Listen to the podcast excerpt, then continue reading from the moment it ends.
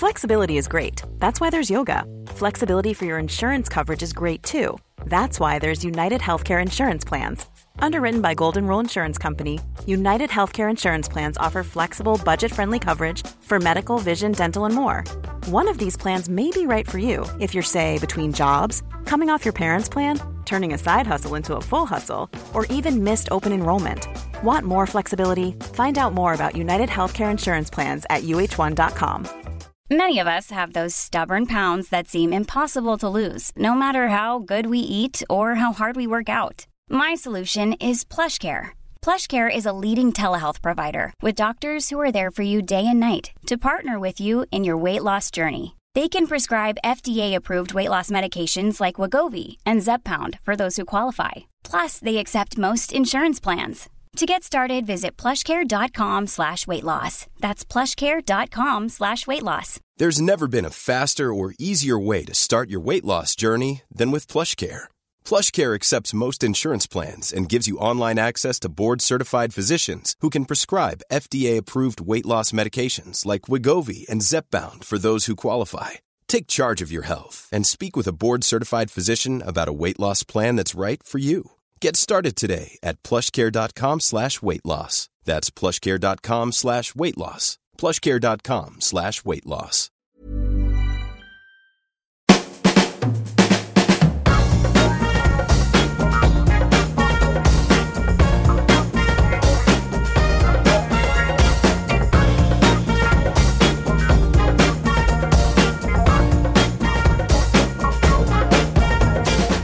Välkomna till Health for Wealth, en podd om hälsa på arbetsplatsen. Det här är vår andra säsong och det här är avsnitt 20. Jag heter Ann-Sofie Forsmark, jag är hälsostrateg, civilekonom och hälsocoach. Och jag heter Boel Stier och är kommunikatör och copywriter. I förra avsnittet så pratade vi med Veronica Magnusson och hon är ordförande i fackförbundet Vision. Och hon beskrev hur de tycker att vi ska få bukt med de helt enorma kostnader som man har för sjukfrånvaron och då främst inom kommuner och landsting. Och det är förstås inte bara kostnaderna utan det är själva lidandet hos de som inte mår bra som är det mest allvarliga. Mm.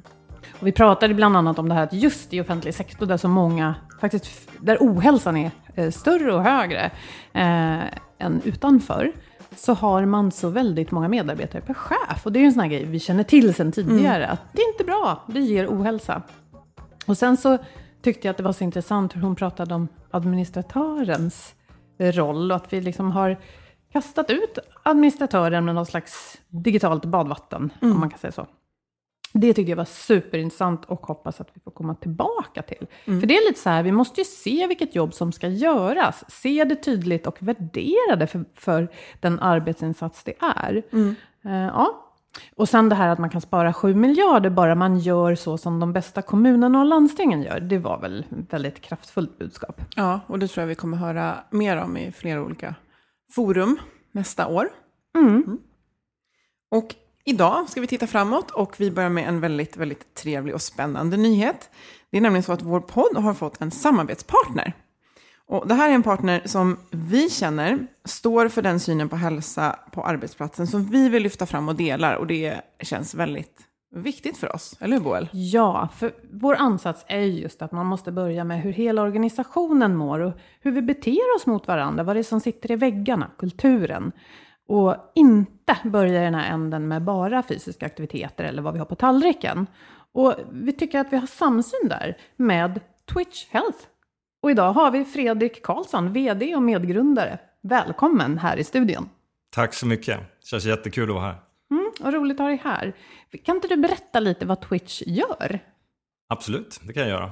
Vill du ha långa eller korta historien? Vi börjar med den korta. och så kommer vi med frågor. Mm. det låter bra. Eh, så vad vi gör är att vi eh, levererar hälsoinsatser som gör skillnad både för individen och företagets affär.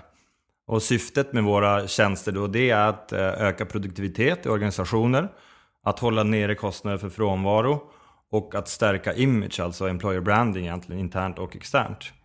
Och eh, som alla företag så har man ju olika vinklingar på hur man arbetar och vi har skjutit in oss på helheten och att vi vill nå ut till många på företaget. Och eh, varje företag är ju förvisso en grupp men består också av massa individer. Eh, och de individerna tror vi alla vill må bra, men de har också olika vägar till hälsa. Mm. Um, så att engagera många på företaget och också mäta effekten av uh, de insatserna som vi gör är väldigt viktigt. Så det är korthet vad vi, vi sysslar med på dagen. Jag vet att ni är ganska många. Hur många är ni som jobbar hos er? Vi är hundra pers som arbetar hos oss. Och det är väldigt många olika kompetenser, visst är det så? Ja, det är korrekt. Kan du berätta mer? Um, utgångspunkten som vi har är då att vi arbetar eh, förebyggande och hälsoutvecklande. Um, så att vi arbetar med att stärka friskfaktorer. Och det är huvudsakligen de kompetensområdena som vi har då. Så det är hälsopedagoger, det är beteendevetare, det är personliga tränare, massörer, naprapater. Men också eh, har vi koppling till läkare och psykologer som då inte jobbar med diagnoser utan jobbar med att stärka friskfaktorer och utbildning och, och eh, coaching kan man säga. Mm. Jag minns att du berättade att när ni träffar nya kunder så är nästan alltid den första frågan som du och ni ställer, vad är hälsa för er? Mm. Stämmer det? Ja, det är, en viktig, det är en viktig aspekt när man ska definiera utgångspunkten för vårt arbete. För att det är precis som du inledde med att säga, att så fort hälsa åker upp så blir det eh, första tanken som många som väcks vid, det är att man tänker på joggingskorna eh, och löpspåren och morötterna. Va? Eh, men hälsa är ju både fysiska, mentala och sociala komponenter för oss. Uh, och det är viktigt att, att som säkra det för att se att vi kommer att kunna göra rätt uh, insatser. Mm. Och en annan viktig fråga det är vad företaget har för målsättning med kontakter med oss och för, förväntansbild. Uh, och det kanske är den svåraste frågan då för mm. företag att svara på. För det har man ofta inte tänkt på. Mm. Nej, för det låter lite som att eh, ni kanske väcker fler tankar runt hälsa just i, med, i med de frågor som ni ställer i, i mötet. Ja, så är det ju. Vi, vi har ju funnits nu i 16 år och ibland så har vi väl, eh, om man skulle säga ur ett, en säljares perspektiv, vi, vi försöker ju sälja hälsa också till mm. företag. Så de frågorna som vi ställer, de väcker många tankar och det gör ofta att de företag vi jobbar med får gå tillbaka på kammaren och fundera lite grann om vad det är egentligen som vi vill uppnå. Så våra säljprocesser blir längre, men mm. vi tror på det in till märgen så att det, att det är viktigt att man funderar över vad man faktiskt vill uppnå i grunden. Mm. Mm. Hur länge har ni funnits? 16 år mm. har vi funnits. Och hur, hur mycket har ni växt? Alltså hur många var ni när ni började? det var bara jag. Mm. Så jag är medgrundare av företaget. Jag pluggade på Idrottshögskolan och Karolinska och började jobba på träningsanläggningar. Uh, och dit kom ju människor som redan mådde bra fysiskt och, och mentalt. Uh, så det var ingen stor utmaning, men i folkhälsorapporterna kunde man se att det fanns många som hade jättemycket att vinna på att uh, ändra livsstil och ändra olika delar i sitt beteende. Och samtidigt så var det ju så att i slutet på 90-talet så hade ju svenska bolag otroligt höga kostnader för frånvaro. Mm. Så det var då frågan på hur, hur ska vi kunna påverka det? Och sen var vi då två personer som grundade Twitch och eh, sen har vi vuxit på sen dess. Vi har varit gasellbolag i, i DI och, och eh, vuxit organiskt. Eh, mm. och kämpat i, inom det här rätt snåriga området när det gäller liksom just främjande tjänster. Det, det har ju gått bra att sälja rehabilitering väldigt länge.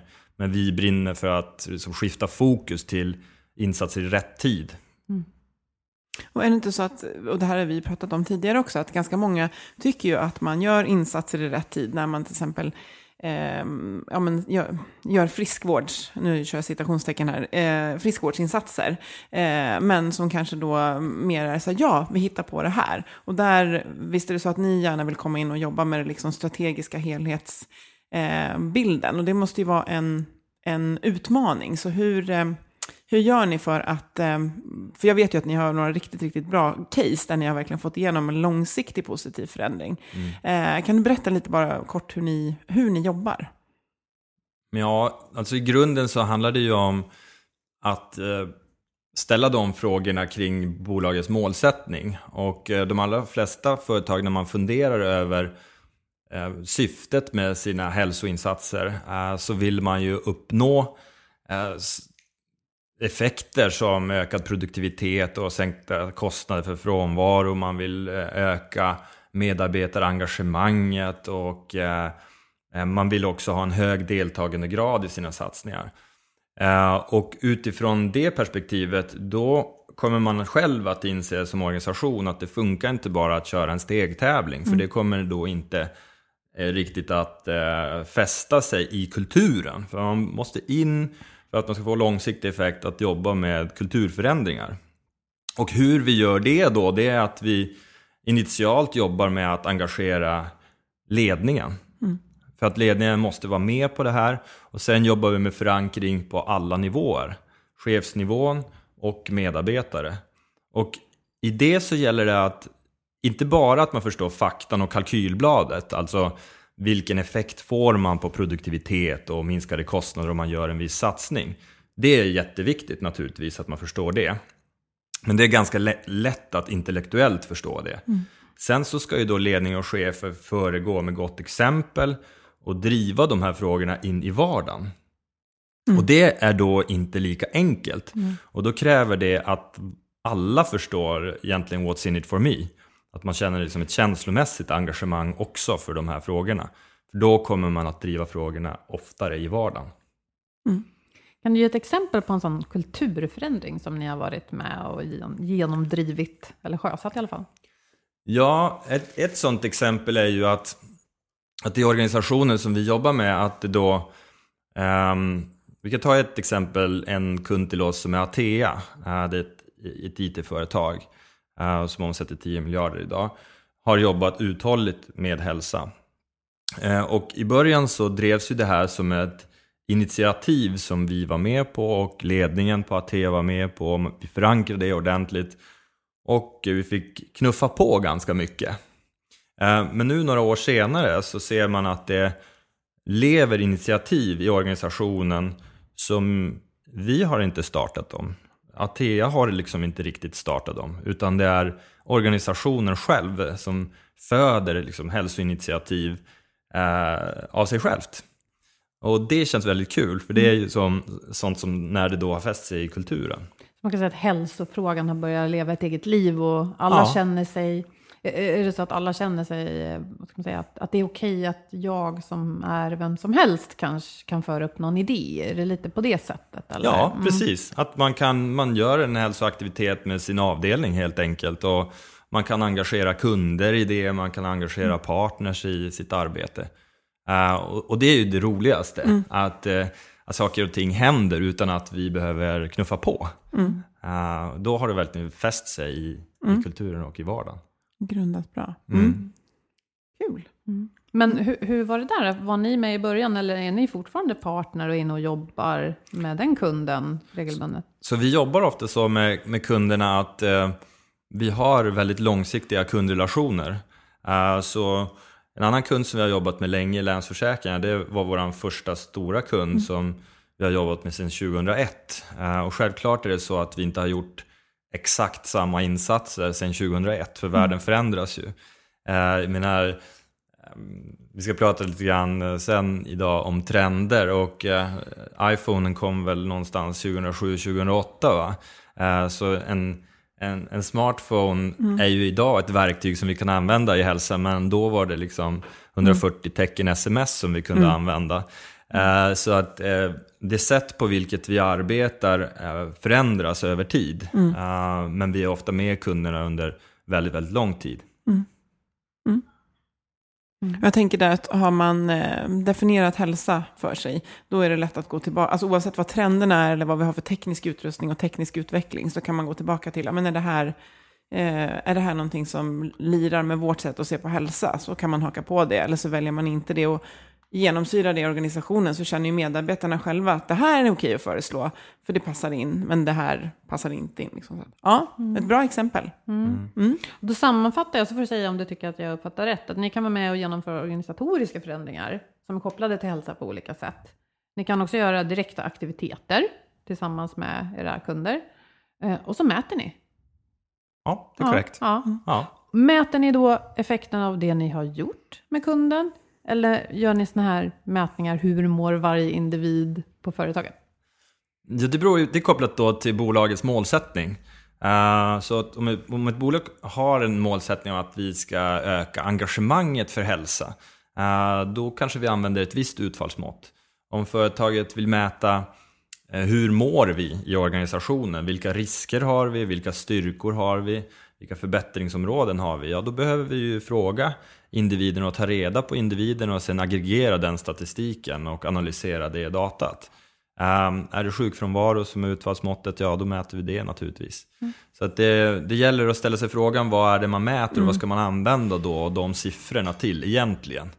Uh, för det går ju att mäta på kors, korsen och tvärsan. En annan sak som jag behöver säga där det är ju att um, när man mäter hälsa, det går ju ganska bra att göra. Det har man gjort inom psykologin och inom fysiologin länge. Mm. Det som är utmaningen det är ju att isolera faktorer i en verklig mm. miljö. Um, för det påverkas ju naturligtvis, hälsan i organisationer kommer ju påverkas av dels omvärlden och konjunktur och hur företagets affärsverksamhet går och mm. um, en mängd olika saker som är både påverkbara och icke påverkbara. Mm. Mm, det är intressant. Jag vet, jag såg en siffra Eh, som visade, ja, jag vet inte om det här är representativt för alla, alltid, överallt, men att i det här fallet så trodde cheferna att ohälsan oftare handlade om faktorer utanför arbetet än vad medarbetarna trodde. De trodde att det var mm. liksom lite högre andel av ohälsan som härrörde från arbetsrelaterade orsaker. Och det där är ju mm. intressant. Ja, men mm. hur mäter man det då? Mm. För livet är ju en stor helhet. Ja. Verkligen, och, och också frågan är vad är konsekvensen av det egentligen? Uh, spelar det någon egentligen roll var någonstans ohälsan ligger eller inte? Um, för det är en fråga som har diskuterats ganska mycket och som ofta kommer upp när vi pratar med management-team.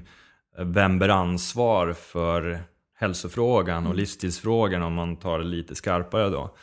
Um, och det kan man väl då någonstans ofta enas om att eh, det är klart att in, varje individ har ett ansvar för, sin egen, för sitt eget livsstilsval. Mm. Det är ju kanske ingen av oss som tycker om att någon annan säger åt mig hur jag ska leva mitt liv. Eh, men däremot är det ju så att om medarbetarna inte tar ansvar för sin hälsa så kommer ju arbetsgivarna ändå att få ta en del av de konsekvenserna. Mm. Och omvänt om arbetsgivaren erbjuder möjligheter och förutsättningar för medarbetaren att förenkla då, eh, att förändra beteende inom något område, så kommer ju individen att vinna på det. Det är liksom självklarheter egentligen, men det är ganska viktigt att se vad är det man mäter och vad är konsekvensen av det. Mm. Och vad är det man behöver isolera? Ja, mm. precis. Ja, intressant. Mm. Vi ska ju eh, spanna lite framåt, sa vi. Vi ska framåt, ja, precis. Och där kände vi också att det var väldigt bra att ha dig med eftersom du har verkligen, eh, ja men du är ju ute i det här och jobbar med företag, eh, många fler företag än vad liksom, vi kommer i kontakt med, med dagligdags. Så eh, det hör ju till liksom att göra någon sorts nyårs, eh, vad kallar man det för, nyårsvaka? Eller nyårs, eh, krönika ja, kallar man det för. Krönika om vi tittar bakåt, spaning ja, om vi tittar framåt. Mm. Ja, precis, göra någon sorts, eh, ja vi kanske inte gör bokslut, men vi, vi väljer att titta vad vi tror kommer hända under 2017. Och lite mm. vad vi mm. hoppas kommer hända också, eftersom vi alla är engagerade i, i ämnet. Mm. Eh, och eh, ja, du får börja Fredrik helt enkelt, för du som sagt, du är ju ute i det här. Jobbar i smeten. Ja, och, och frågan är då trenderna mm. för 2017. Så eh, det är ju alltid liksom vanskligt att, att säga vad, vad, som kommer att hända. Eh, men, men om man lyssnar på många, många företag eh, och jag har varit ute på några hundra kundbesök det här året och eh, eh, vi har kontakt med forskargäng och så vidare. Så en sak som man måste se är ju att de globala trenderna kommer ju påverka företagen givetvis. Eh, och någonting som många företag sitter i nu på all, liksom alla delar av verksamheten och alla verksamheter egentligen är ju digitaliseringen och, och teknologin som kommer in.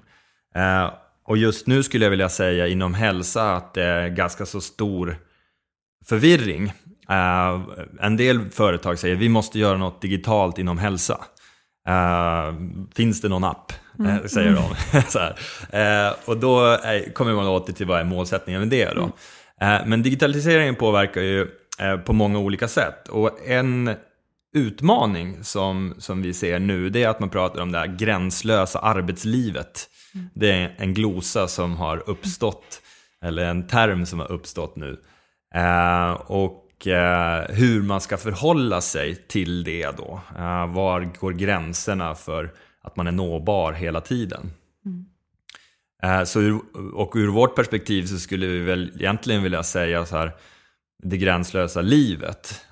För det påverkar ju åt båda hållen. Att jag, förvisso jag kan läsa min, min mail hela, över hela julen och semestern och, och, och är nåbar på det sättet. Eh, men det är också det faktum att vi svenskar spenderar um, 21 timmar på internet i veckan och över 6 timmar på sociala medier i veckan. Eh, och det gör vi antagligen på arbetstid också. Ja, det, sex timmar lät lite. Så har du sex timmar på sociala medier? För jag tänker att det är ju mindre än en timme per dag. Och jag tänker att många är nog inne mer, alltså mer än så. Ja, det låter lite, men det är från eh, Svenskarna och internet, en eh, undersökning, den är från 2015 och det är ju egentligen gammal data nu i det, i det här sammanhanget. Snabba. Ja. Ja, det, går, det är snabb utveckling, så att, eh, men där någonstans. Jag, jag håller helt med och jag tänker just att, ja, men som nu, det, är- när vi spelar in det här så är det 21 december och att att eh, eh, en personlig reflektion är att jag kan ta min mobil och gå på julledigt därför att den blir som en snuttefilt, därför att jag kan ju kolla av. Så jag kan, jag kan snabbare gå från kontoret på grund av att jag har den här mobilen, men det gör också att jag snabbare är tillbaka i, i jobbtanken om jag inte själv liksom skapar en struktur för att, för att stänga av. Så att det här gränslösa, eh, det ser jag nog också, att man, bara, man har kastat sig över allting som en möjlighet och sen börjar man se vilka effekter det får och börjar reflektera över att vi måste skapa, eh, antingen skapar vi regler för eller så skapar vi förutsättningar för att logga ut. Och att jag, jag tror att vi kommer börja längta efter att, att logga ut eh, under 2017. Mer, eh, och vi, vi behöver det. Eh, och jag menar, mer och mer forskning på hjärnan visar ju att vi inte mår eh, super, super bra av att vara uppkopplade hela tiden. Och, ehm, alltså det är nästan som ett beroende det här med att få, få kickar av likes och annat och sådär. Och nu, nu börjar vi liksom få så mycket information om det, så nu vet vi det. Och nu kommer vi till att, okej, hur väljer man att hantera det? Och vad ligger på företaget eller organisationen att styra? Och vad ligger på mig som, som, liksom, som individ? Men jag tror att det där kommer vara, precis det här gränslösa och förhållningssättet till det, det kommer vara en stor och väldigt viktig faktor under kommande år, tror jag. Och vad svårt, det finns ju en massa dilemman i det där. För jag tänker, det är ju en frihet för mig, som du säger, att kunna lämna kontoret, gå hem tidigare någon dag för att jag sen är nåbar. Men att göra sig nåbar kan också bli en boja och en tyngd, en börda.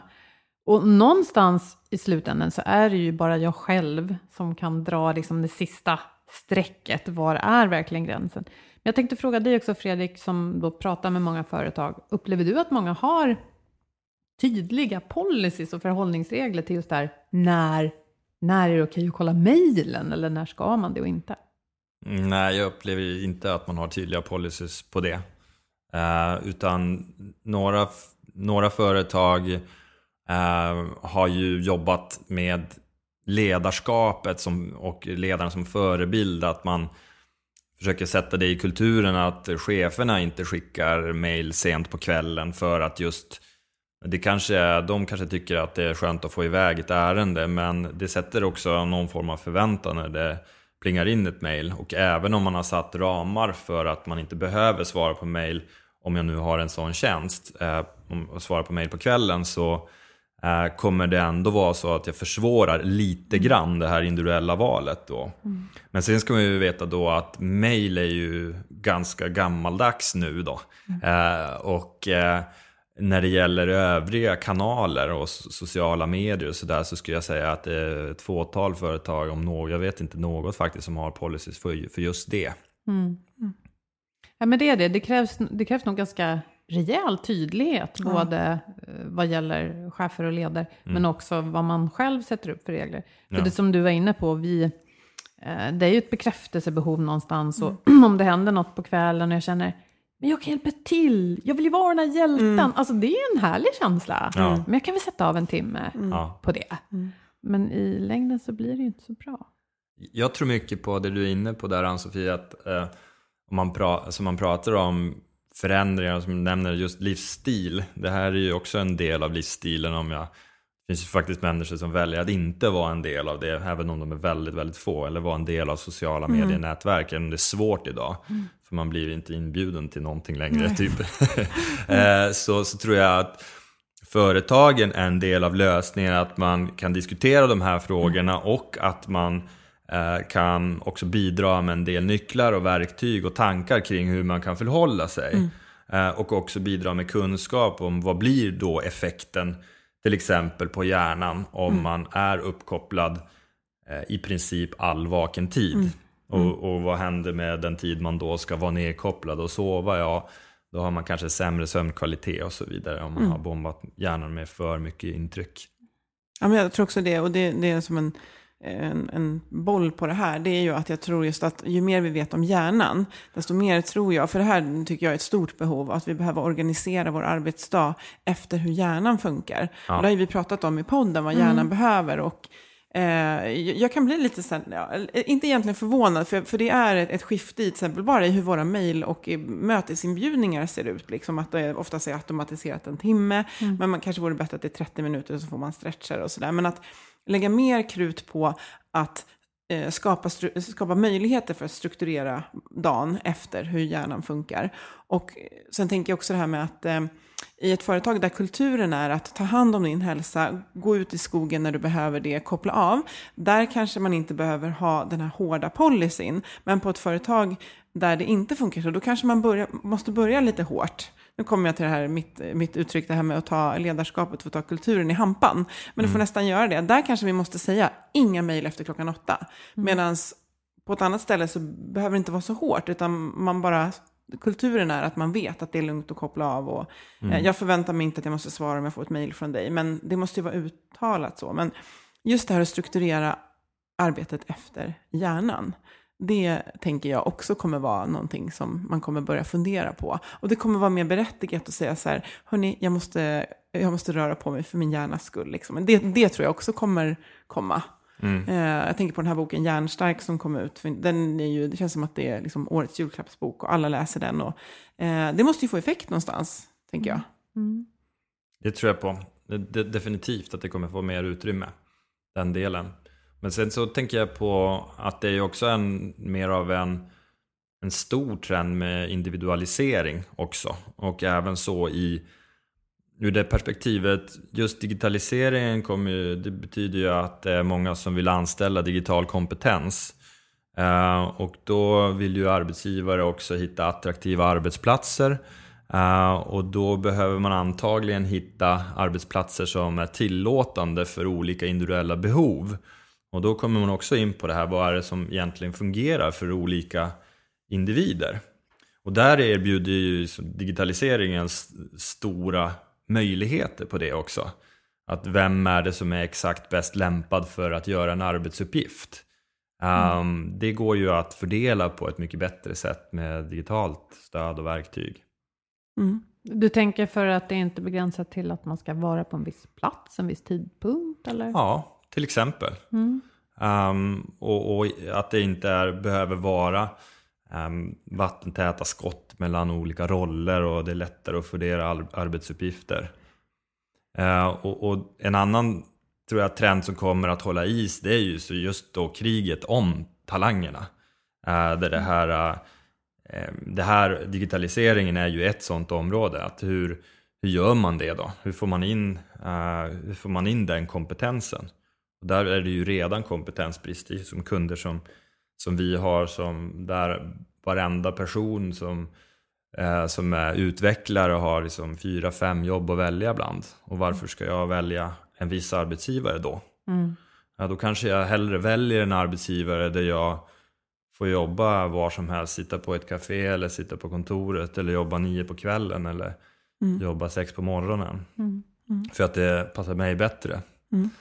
Um, ja, det, är svår, det, är svårt att säga var vi mm. är på väg där, men jag tror att individualiseringen, eh, kom, att vi kommer få se det 2017. Mm. Och att det, precis, att det blir helt rätt att se till att medarbetare mår bra, för det kan vara det viktigaste redskap man har för att attrahera rätt eh, kompetens. Och det är ju bra i så fall, för det hoppas jag då kan spilla över även på områden där det kanske inte är lika hård fight om eh, kompetensen. Ja, visst. Där, till och med där det är svårt att eh, få jobb. Och, ja, det är med offentlig sektor till exempel, där, som vi pratade om eh, sist. Att vi hittar sätt att få alla där att må bra också. Ja, det är ju verkligen super, superviktigt. Alltså, vi behöver människor dit och vi behöver människor som mår bra, som jobbar där. Eh, Men jag tänker lite på det här med att vi eh, mäter ju, kan ju mäta mycket mer nu. Eh, och både du och jag i alla fall, Fredrik, har på oss en klocka just nu som eh, jag har inte, inte gett upp, men jag har inte haft det här tidigare så mycket. Men den här mäter min puls och den mäter hur många steg jag tar och jag tycker det är jättebra och blir inte stressad av det. Men vi kan ju mäta mycket mer nu, väldigt direkt och sådär. Och vi... ehm, jag känner att jag är redan på väg att slå bakut mot, mot mätandet, fast jag är liksom helt beroende av det i mitt jobb. Men då, då pratar jag mer liksom hälsoekonomi. Sådär. Vad tror du om, om det här med wearables och, och mäta? Är det, kommer det öka eller vad, hur känner människor där? Jag tror att det kommer öka. Um, men, det är ju också någon form av, eh, för den vanliga innovationskurvan från innovators till early adopters och så vidare och så vidare så har, finns det ju en spridning där. Så det är ju fortfarande, jag, har märkt stor skillnad. Jag föreläste för ett gäng för fyra fem år sedan där ingen hade någon aning om, om egentligen vad en GPS-pulsklocka var. Eh, det var det en person av 50-60 pers och de jobbade alla med IT, så det var, det var där vi var. Jag hade en föreläsning för tre veckor sedan nu där alla hade koll på vad wearables är för någonting. Så medvetenheten har ökat mycket och det sitter som stegräknare och accelerometrar eh, på många människor nu. Så jag tror att det kommer att öka. Samtidigt så börjar det ju också som du säger vara vara en del som har mätt, hållit på och mätt ganska länge eh, och man kliver ur det för att man blir stressad av det här. Eh, och eh, m- man mår helt enkelt sämre. Eh, och då har man ju fått, liksom, då har det blivit fel syfte eller fel effekt av, av eh, tanken med det. Mm, ja, men jag tänker mycket det här exemplet när man pratar om sömn, till exempel att man kanske vaknar och är, känner sig hyfsat utvilad och sen kanske man har någon sån här grej som mäter hur man sover och så talar den om att i natt var det minsann inte så bra. Och så får man liksom en extern eh, liksom bekräftelse på att du har inte sovit så bra, medan hade jag inte vetat det så hade jag tänkt så här, nej men jag sov ganska bra i natt. Så, eh, så den brukar jag ta som exempel just att eh, den kan ju också påverka mig negativt att få veta, för att det kanske hade funkat ganska bra den dagen ändå. Men ehm, det är ju lite, det kan ju väcka, du kan ju få data som är relevant för dig, som kan hjälpa dig att göra förändringar och dessutom mäta dina livsstilsförändringar till det bättre. Eh, men jag tänker just att många känner sig faktiskt också stressade av, Mm. av det. Eh, så, men men eh, ja, du, du tycker att vi är i, det är fortfarande så att det kommer att öka tror du? Det är fortfarande efterfrågan på det och, Ja, ja. just, just den frågan skulle jag nog vara ganska övertygad om att det, här, att det kommer att öka. Ehm, det, det kommer ju vara så också att vi, rent som ytterligare som en megatrend är ju att befolkningen blir äldre. Eh, och det betyder också att vi har färre som ska försörja fler. Eh, och det betyder att vi behöver, vi kommer då öka belastningen på vårdapparaten exempelvis. Och då kommer det att vara så att om vi har sensorer och använder tekniken på ett smart sätt så kommer vi att kunna avlasta vården och jobba effektivare där och kommer att kunna erbjuda bättre vård till exempel till människor. Jag är också övertygad om att man kan använda det här på ett bra sätt när det gäller eh, förebyggande och hälsofrämjande tjänster just för att motivera eh, till sunda livsstilsval. Eh, men det är också så att det finns ganska stora brister i de sensorerna som finns idag. Eh, som vi pratar till exempel sömn som en del, som du nämnde, titta på facit. Hur mår jag egentligen? Hur har jag sovit? Är jag pigg nu? Eh, ti- och så tittar man på sin applikation. Eh, istället för att ställa sig frågan, är jag pigg? Eh, eh, så, så finns det stora felkällor idag. Det finns egentligen inte i, i en iPhone s- så pass träffsäkra mätningar av sömn idag. Eh, Så att det kommer vi nog att, att få se också. Ju mer data man får in eh, och samlar in så kommer man att kunna justera då de här algoritmerna och komma närmare och närmare sanningen. Eh, Så jag tror det skulle vara bra uh, att man lyfter fram också de här felkällorna. Och, och också en, någonting som folk generellt gillar att göra det är att räkna kalorier. Och när det gäller kaloriräkning så kan också sådana enklare aktivitetsarmband utan pulsmätare kan då uh, skeva rätt så rejält. Och använder man då uh, det datat till någonting så blir det inte riktigt bra. Mm. Just det. Det kan Ja. finnas ett värde att ibland känna när man är mätt, Ja. utvilad, ja. pigg. Ja, precis så. Ja, Precis så. Ja. kasta allting. Nu har vi pratat lite om vad vi, eh, vad vi tror kommer hända, men sen har vi som sagt, vi är väldigt engagerade i ämnet hälsa alla tre. Eh, och ja, vad, vad hoppas vi? Liksom? Vad hoppas vi ska hända 2017? Nu får du börja igen Fredrik. Jag hoppas ju mycket på, om vi pratar om hälsa på arbetsplatsen, eh, så hoppas jag mycket på att man inte gör som man alltid har gjort.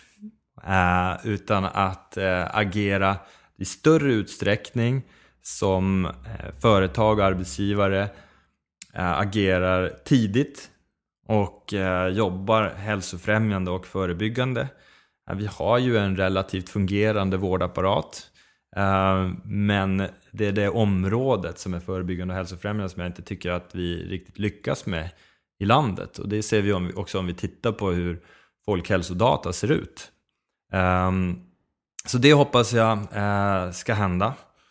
Eh, jag hoppas att vi fortsätter att skapa medvetenhet om det här vi har pratat om, eh, effekten på hjärnan. Eh, och också den psykiska ohälsan. Som ju har en otroligt tråkig prognos om vi ska tro Världshälsoorganisationen. Som då säger att depression kommer att vara vanligaste diagnosen globalt 2030. Och det är ju otroligt besvärande siffror. Och där tror vi att om man vågar prata om det här på arbetsplatser eh, så kommer det vara fler som eh, får reda på att det inte är något konstigt. Eh, Och att man vågar prata om det och att man också då eh, vågar ta tag i de, de utmaningarna. Mm, ja, verkligen. Mm. Precis, och du pratade tidigare om individualisering. Jag gillar verkligen det där, att det ska finnas utrymme för liksom, hur jag funkar på en arbetsplats eller i en arbetsroll. Eh, men vi, det finns ingen motsättning mellan att se individen och den personens behov och att eh, ha den här gemenskapen. Det behöver inte betyda att alla sitter och håller varandra i händerna på arbetsplatsen, men för det du säger om psykisk ohälsa tycker jag ganska mycket kokar ner till att vi behöver varandra och att vi måste våga säga det. Mm. För det är någonting med den här fasaden vi sätter på oss varje dag när vi går till jobbet. Jag tror vi gör det någon mån alla. Och vill vara den här presterande, liksom, duktiga. Som inte alltid är så mänsklig. Så att lite ner med fasaderna, bjuda in varandra, våga visa våra skörheter och svagheter för varandra. Tror jag skulle göra jättemycket. Mm. Och så en sak till tänkte jag på. Vi brukar ju aldrig börja med att prata om aktivitet och ja, liksom det vi gör fysiskt när vi pratar om hälsa, du och jag Annie. Men en, en sån här käpphäst eller en nöt som jag skulle älska att knäcka, det är ju det här hur vi organiserar arbetsplatsen så att vi inte bara står och sitter. Alltså den är ju så självklar att vi behöver lösa den, men ingen har riktigt kommit på hur. Mm, nej. Eller hur? Nej. Och inte bara promenadmöten, utan att vi ska slippa det här enahanda, monotona och bara stå och Mm. sitta. Där är det ju, eh, nu när man eh, bygger om arbetsplatserna rätt mycket och det har ju drivits av att vi bara nyttjar en liten, liten andel av de arbetsplatser vi har. Eh, när man har sitt eget skrivbord till exempel och bygger om till aktivitetsbaserat så är det en hel del företag nu som bygger mötesrum som inte har några stolar. Inte har några konferensbord för den delen heller. Eh, och eh, om man då får upp det i sitt konferensbokningssystem att det står att jag bok, bokar ett ståmöte. ehm, det, det tror vi kommer bli ganska attraktivt att göra. Eh, och det är ju ytterligare en sån signal ska vi säga, i kulturen att vi vill underlätta att, att göra liksom val som är lite mer hälsosamma. Och sen får vi ta dansmötet tio år senare. Ja, precis. Exakt. Hämta upp grodan försiktigt. ja. Jag är också inne på att, um, tycker det är lite så här, gud ska jag säga läskigt faktiskt med individualis alltså, individualiseringen när vi ser att det vi behöver mer av är gemenskap. Alltså, vi behöver mer av det, för vi behöver varandra. Och liksom, ni har båda varit inne på det här med psykisk ohälsa. När vi mm. vågar prata om det, när vi vågar vara ärliga med hur vi känner och inte ha... Och jag menar, här har vi ju sociala medier som Eh, ett verktyg för att sätta upp en fasad. Alltså vi pratar om filter och liknande. Men att man eh, visar lite mer sin ja, att man är mänsklig. Alltså så här, både svagheter och styrkor, liksom, båda delarna behövs. Så jag tror mycket på att vi behöver mer gemenskap för att må bra. Eh, vi behöver mötas ansikte mot ansikte, för vi beter oss annorlunda när vi eh, möts i ett rum. Så att digitaliseringen möjliggör ju mer kommunikation, men när den ersätter att mötas så eh, tror inte jag att det, det är bra. Det tycker jag är en jättestor utmaning. Och jag är väldigt, jag funderar mycket på offentlig sektor och människor som jobbar inom vård och omsorg. Och sen även det här med, med fysisk aktivitet, att vi ska ta tillbaka rätten till rörelse. Alla har mm. rätt eh, att röra sig. Alla behöver inte vara väldigt duktiga på att träna. Men motion, det är både allas rättighet och skyldighet. Så att jag tycker att jag har rätt, var jag än jobbar, att ganska enkelt få till min motion under dagen. Mm. Så. Och man behöver inte gå på en PT för att ja, stärka benen eller ta lite extra syre på rasten. Men det är nog också viktigt, för mm. träning har fått någon så här, eh, ja men lite elitistisk stämpel eh, ibland. Mm. En del som jag hoppas väldigt mycket på, men det är ett ganska svår nöt att knäcka, det är just det här med Å ena sidan så har vi kanske en grupp som tänker mer elit och vi har elitmotionärer som söker um, tuffare och tuffare utmaningar. Vilket kanske är naturligt för att vi gillar att utvecklas och utmana oss själva. Å andra sidan så har vi en stor grupp i samhället som har relativt låg kunskap, uh, medvetenhet, betydligt sämre hälsodata och mätvärden än den andra gruppen. Och det här är kopplat väldigt tydligt till längden på utbildning. Så akademiker har mm. bättre hälsodata och mätvärden och har man grundskola så har man betydligt sämre hälsodata och mätvärden. Uh, här tror jag, vi pratar offentlig sektor till exempel uh, och andra industrier där man har uh, icke-akademiker. Här tror jag arbetsgivarna kan spela en mycket större roll faktiskt. Mm. för det tyvärr så att man satsar lite mindre. Uh, man, har gjort, man har gjort studier på det och tittat på hur mycket man investerar i, de, i hälsofrågor.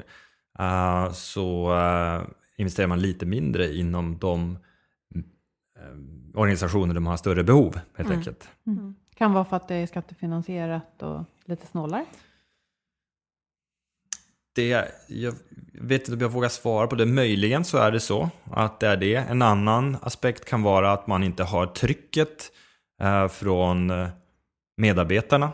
Att man kräver det från medarbetarna för att medarbetarna eh, då umgås med vänner som har liknande situation. Så, och man jämför sig med varandra och säger, så, jobbar man i ett tjänstemannaföretag så kommer man jämföra det här gör vi på min arbetsplats och det här gör vi på min arbetsplats? Och så går man tillbaka till arbetsgivaren och frågar varför kan vi inte göra det här? Mm. Eller man har kanske då eh, flera arbetsgivare att välja på. Så då kan man välja sin arbetsgivare och det kanske man inte har möjlighet till på samma sätt inom den offentliga sektorn. Mm. Och så tänker jag också, eh, jag tänker däremot så ökar ju, alltså psykiska ohälsan ökar ju bland högutbildade. Det har ju inte varit eh, trenden förut, men nu börjar det bli så. Och där eh, så har inte riktigt de här ökade hälsosatsningarna då någon, någon, koppling till hur man mår. Och jag tänker ofta på begreppen wornout och burnout, att liksom högutbildade mm. bränner gärna ut sig för att man eh, det här blir lite honungsfällan. Och sen mm. eh, slits man ut, alltså wornout mer i mer styrda jobb. Där mm. Det inte satsas lika mycket på hälsa, där blir man mer utsliten än att man liksom bränner mm. ut sig. Eh, och, och, de bitarna brukar jag reflektera mycket över utifrån hur jag tänker på hälsa och vad man har för behov. Eh, ja, så, så det är också en, en, ja, något jag funderar på. Mm. Mm. Jag tycker att vi jag tycker vi nådde fram till en bra sådär, knyta ihop säcken-bild. Eller jag har den i alla fall i huvudet. Eh, ja, det finns definitivt saker i samhället som är skeva och de ska vi prata mer om. Eh, som du sa Fredrik, de som mest behöver hälsosatsningar kanske inte får dem idag. Eh, vi behöver varandra. Låt oss ta med oss det inför 2017. Och ja, Annie, vi tar tillbaka rätten att röra oss. Alla. Alla. Ja, alltid. Mm. Det är vår rätt. Inte nödvändigtvis träna, utan röra på oss. Få in rörelse i Och vi ser fram emot 2017. Nej, vad säger jag? 2017? Ja. Ja, sa ja jag har inte bestämt mig faktiskt vad man ska säga. Vi kanske får bestämma oss medan året pågår. Med dig Annie och samarbetet med dig Fredrik och Twitch och alla era, era lyssnare. Och tills vi hörs igen, läs, eh, läs och diskutera på healthforwealth.se. På LinkedIn och på Facebook. Och tack till Agda Media för fin produktion. Tack. Hej då. Hej då! Tack så mycket. Hej.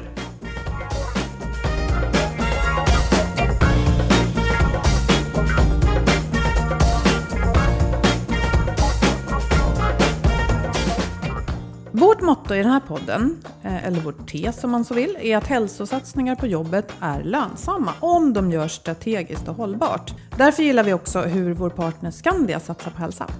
Ja, och det har ju visat sig lönsamt för deras kunder. Och för dem, såklart. Eh, win-win helt enkelt. Och sjuktalen hos deras kundföretag har sänkts från 4,8 till 2 procent på de tio år som de har gjort den här stora hälsosatsningen. Precis, och eftersom de vet, och vi alla vet, att det är mest effektivt och mest lönsamt, både mätt i pengar och hälsa, att hantera problem förebyggande, så gör de just det och kallar det för hälsokedjan. Just det. Och alla företag som har en tjänstepension med sjukförsäkring hos Skandia i form av en kostnadsfri hälsoförsäkring kan ha tillgång till den. Och medarbetare får hjälp redan när man är i obalans oavsett det här är bra också tycker jag, att oavsett om problemen går att härröra till jobbet eller det privata, för det, det är ibland ganska svårt att avgöra. Precis, och ehm, en person blir då en sorts hälso och rehabvägledare som följer med från start till mål. Och enligt deras egna siffror så betyder det att 8 av 10 får hjälp innan det har gått så långt att det har lett till sjukskrivning. Och det här är ju jätteviktigt eftersom vi vill ju vara, vi vill ju vara proaktiva med åtgärder. Och eh, det här är ju verkligen en proaktiv åtgärd. Mm, nej, men det är toppen. Och sen naturligtvis, behöver man sjukskrivas så ska man ju göra det. Mm. det så. Eh, läs gärna mer på skandia.se friskare medarbetare.